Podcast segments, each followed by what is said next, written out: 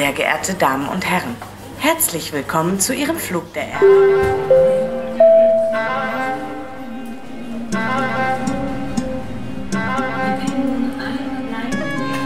أهلا بكم في بودكاست الحياة والعمل داخل ألمانيا. المقدم من معهد جوتا ويقدمه لكم راوية خضر من تونس فرح بعلبكي من لبنان وأنا رشدي من مصر. أهلا بكم.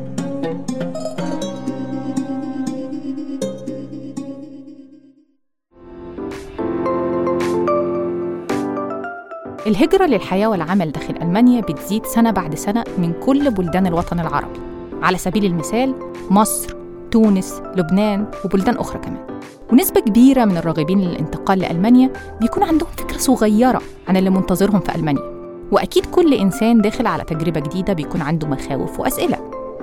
وأهم سؤال أنا محتاج إيه علشان أبدأ حياتي الجديدة في ألمانيا؟ بنجاح. هنا بيجي دور معهد جوتا ومشروعه الحياة والعمل داخل ألمانيا. المشروع بيقدم استشارات للأفراد وورش عمل تدريبية وفعاليات معلوماتية عن الشغل خطوة بخطوة.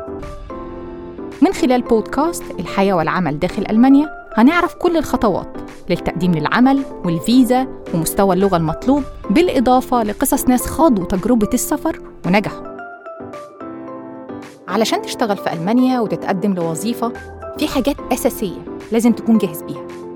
منها شهادتك السيرة الذاتية خطاب النوايا أشخاص مرجعين في أماكن العمل السابقة في حالة إن العمل الجديد طلب يسألوا عنك ونماذج أعمال من شغلك. وفي الحلقة دي جمعنا لكم كل الأسئلة اللي بتوصل لمعهد جوتا ومشروع الحياة والعمل داخل ألمانيا وياسين واحد من اللي هيقدموا المشروع وهيسألني وأنا هجاوب. إيه المراجع والشهادات المهمة؟ أولاً مهم تعرف إن الغرض من المستندات والشهادات هو إثبات المعلومات بتاعتك المكتوبة في السي في. ثانياً الشهادات دي عبارة عن إيه؟ شهادات التدريب الجامعي والمهني وكمان بيدخل ضمن الشهادات إثبات المهارات اللغوية أو أي درجات علمية تانية والغرض من كل المستندات والشهادات دي هو إثبات المعلومات المبينة في السيرة الذاتية طب إيه اللي لازم آخد بالي منه؟ بص يا ياسين لأن كل الطلبات بتاعة الشغل بتكون مكتوبة فبيكون في أمور صغيرة وده بيحدد قبولك من عدم قبولك. يلا نحددهم خطوة خطوة. ماشي. واحد لأن أصحاب العمل من الألمان بيدققوا النظر جدا علشان يعرفوا إذا كانت أوراق التقديم مستوفاة ومنظمة. يعني مثلا إيه الأخطاء الناتجة عن الإهمال؟ المستندات غير المستوفاة؟ الاتنين ما بيتقبلوش. اتنين مهم كمان تعديل خطاب التغطية.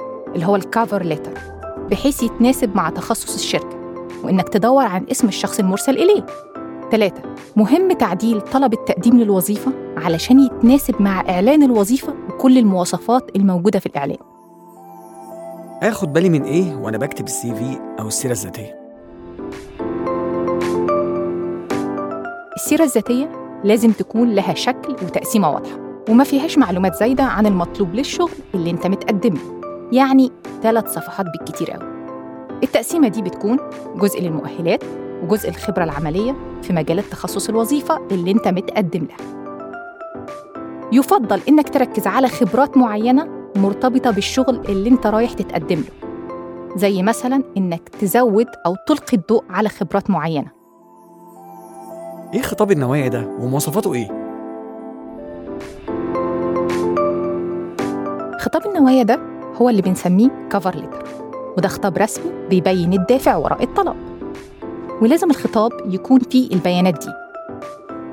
تفاصيل الاتصال المستلم المكان والتاريخ الموضوع التحية المؤهلات المهنية وخبرات العمل المهارات الشخصية والمؤهلات المهنية المتعلقة بالشركة. ومهم جدا إنك تحط الدافع ورا التقديم. وإظهار الاهتمام بالمقابلة الشخصية. إنك بتقول للناس أنا بتطلع إن أنا أشوفكم وطبعا تنهيها بالتحية والتوقيع بتاعك المهم تكتب البيانات دي بطريقة تشد اهتمام صاحب العمل مثلا إيه من أنشطتك السابقة مهمة للوظيفة المعلن عنها؟ إيه اللي يخليك المرشح الأفضل للوظيفة دي؟ وإيه سبب اهتمامك بالشركة اللي أنت متقدم لها؟ وافتكر يا ياسين إن أغلب ال interview هات بقت أونلاين دلوقتي طيب الحمد لله اتقبلت ورايح المقابلة الشخصية. هيكون شكلها إزاي؟ حلو قوي. معنى إن تم دعوتك للمقابلة الشخصية إنك اتخطيت أول حاجز في طريقك وكمان شديت اهتمام صاحب العمل. طيب في الغالب المقابلة الشخصية بتتكون من شوية مراحل. واحد حديث قصير. اتنين تعارف. يعني صاحب العمل بيقدم نفسه وشركته وثقافته ومنتجاته وتفاصيل الوظيفة. ثلاثة. عرض شخصي وفيه انت بتتكلم بشكل منظم عن إيه بقى؟ التاريخ الوظيفي أهم محطاتك الوظيفية أهم إنجازاتك نقاط قوتك المتعلقة بالوظيفة اللي أنت متقدم لها. أربعة. بيكون في أسئلة متابعة مثلا عن المحتوى الوظيفي متطلباته أسئلة عن التوقعات قياس الأداء وأسئلة عن فرص التطوير. طب الكلام ده عظيم ومترتب بس أدور فين على وظيفة؟ إن الناس بتدور على منصات التواصل الاجتماعي وكل مواقع ال social media. وفي LinkedIn ونسخته الألمانية XING. في كمان مواقع التوظيف اللي ممكن تدور على وظائف عليها وإنت لسه في بلدك. ومن الأمثلة الشهيرة للمواقع دي Make it in Germany وموقع التوظيف الخاص بوكالة أو بوابات التوظيف الفيدرالية زي Indeed أو StepStone طب هل جميع الإعلانات الوظيفية دي موثوقة؟ حاجة تخلي بالك من المواقع المزيفة وإعلانات الشغل المزيفة اللي غالبا بتكون على ال social media. وبتعرف إزاي بقى إنها مزيفة؟ ببساطة إن الشغل مش طالب مؤهلات زي العمل الذي لا يحتاج فيه لدرجة مهنية أو درجة علمية. عادة لا تكون محل ثقة لأن صاحب العمل الألماني دايما بيكون طالب مؤهلات. ننتقل دلوقتي لجزء الفيزا. وأول حاجة مستمعينا لازم يعرفوها إنك أكيد هتحتاج فيزا. وياسين برضه لسه معانا وبرضه عنده أسئلة كتير علشان الفيزا فين ألاقي أحدث المعلومات عن الفيزا؟ ده غير إن أنا عمال أسمع إن كل شوية الشروط بتتغير موقع السفارة الألمانية في مصر عليه كل التحديثات والتغييرات وده المكان الوحيد وكمان حطينا لكم الرابط في وصف الحلقة طب هو في أنواع مختلفة من الفيزا؟ طبعا أنواع الفيزا بتتغير بناء على الغرض من الفيزا أو الإقامة في ألمانيا. على سبيل المثال الشخص اللي بيرغب في بدء العمل في ألمانيا لأنه استلم بالفعل تكليف من صاحب العمل بيتقدم بطلب فيزا للعمل بأجر. أما الشخص اللي لسه في حاجة للحصول على مؤهلات علشان يوصل إنه يكون متأهل بالكامل لسوق العمل اللي هو الأهلية الكاملة لأن ضروري تقديم إفادة بالأهلية. فهو أو هي بيتقدم بطلب فيزا للاعتراف بمؤهلاته المهنية. وكمان في إمكانية التقدم بطلب فيزا خاصة بالتقدم للعمل لمدة تصل لست شهور أو فيزا للتدريب المهني. طب هو إزاي أحدد ميعاد في السفارة؟ تقدر تحدد ميعاد السفارة من خلال موقع السفارة الألمانية. وهنا يفضل إنك تحجز الميعاد في أقرب وقت ممكن. لأنه في الغالب في قائمة انتظار طويلة وده ممكن يؤدي إلى تأجيل قرار الفيزا. وهنا بقى مهم تعرف إنه بناء على نوع الفيزا اللي أنت متقدم لطلبها إما إنك تتقدم مباشرة في السفارة مثلا في حالات الإقامات طويلة الأجل كالتوظيف أو لم الشمل أو إنك تتقدم بطلب فيزا من خلال TLS وده مقدم خدمات خارجية في حالة الإقامات قصيرة الأجل زي الإقامات السياحية. ولكن حتى الخطوة دي ممكن تتغير في أي وقت وبالتالي دايما لازم تتأكد من التغييرات على الصفحة الرئيسية وهتلاقوا رابط صفحة TLS في الوصف بتاع البودكاست ألاقي فين عرض عام للمستندات اللي أنا محتاج لها؟ نظرا لاحتمال تغيير الشروط الأفضل إنك ترجع للقائمة المرجعية الخاصة بالسفارة الألمانية وقت تقديم الطلب وفي العادة بتكون المستندات دي الفيزا نسخة من جواز السفر التأمين الصحي الخاص بالسفر وشهادة اللغة وإن أمكن عقد العمل. وفي وصف البودكاست ضفنا لكم رابط القائمة المحددة على صفحة السفارة. ممكن استنى قد إيه عشان الفيزا تطلع؟ مدة الانتظار بتختلف بناء على نوع الفيزا. فحسب آخر تحديثات السفارة الألمانية في تونس مثلا الصادرة في يوليو 2022 تصل مدة انتظار فيزا لم الشمل لتسع شهور تقريبا.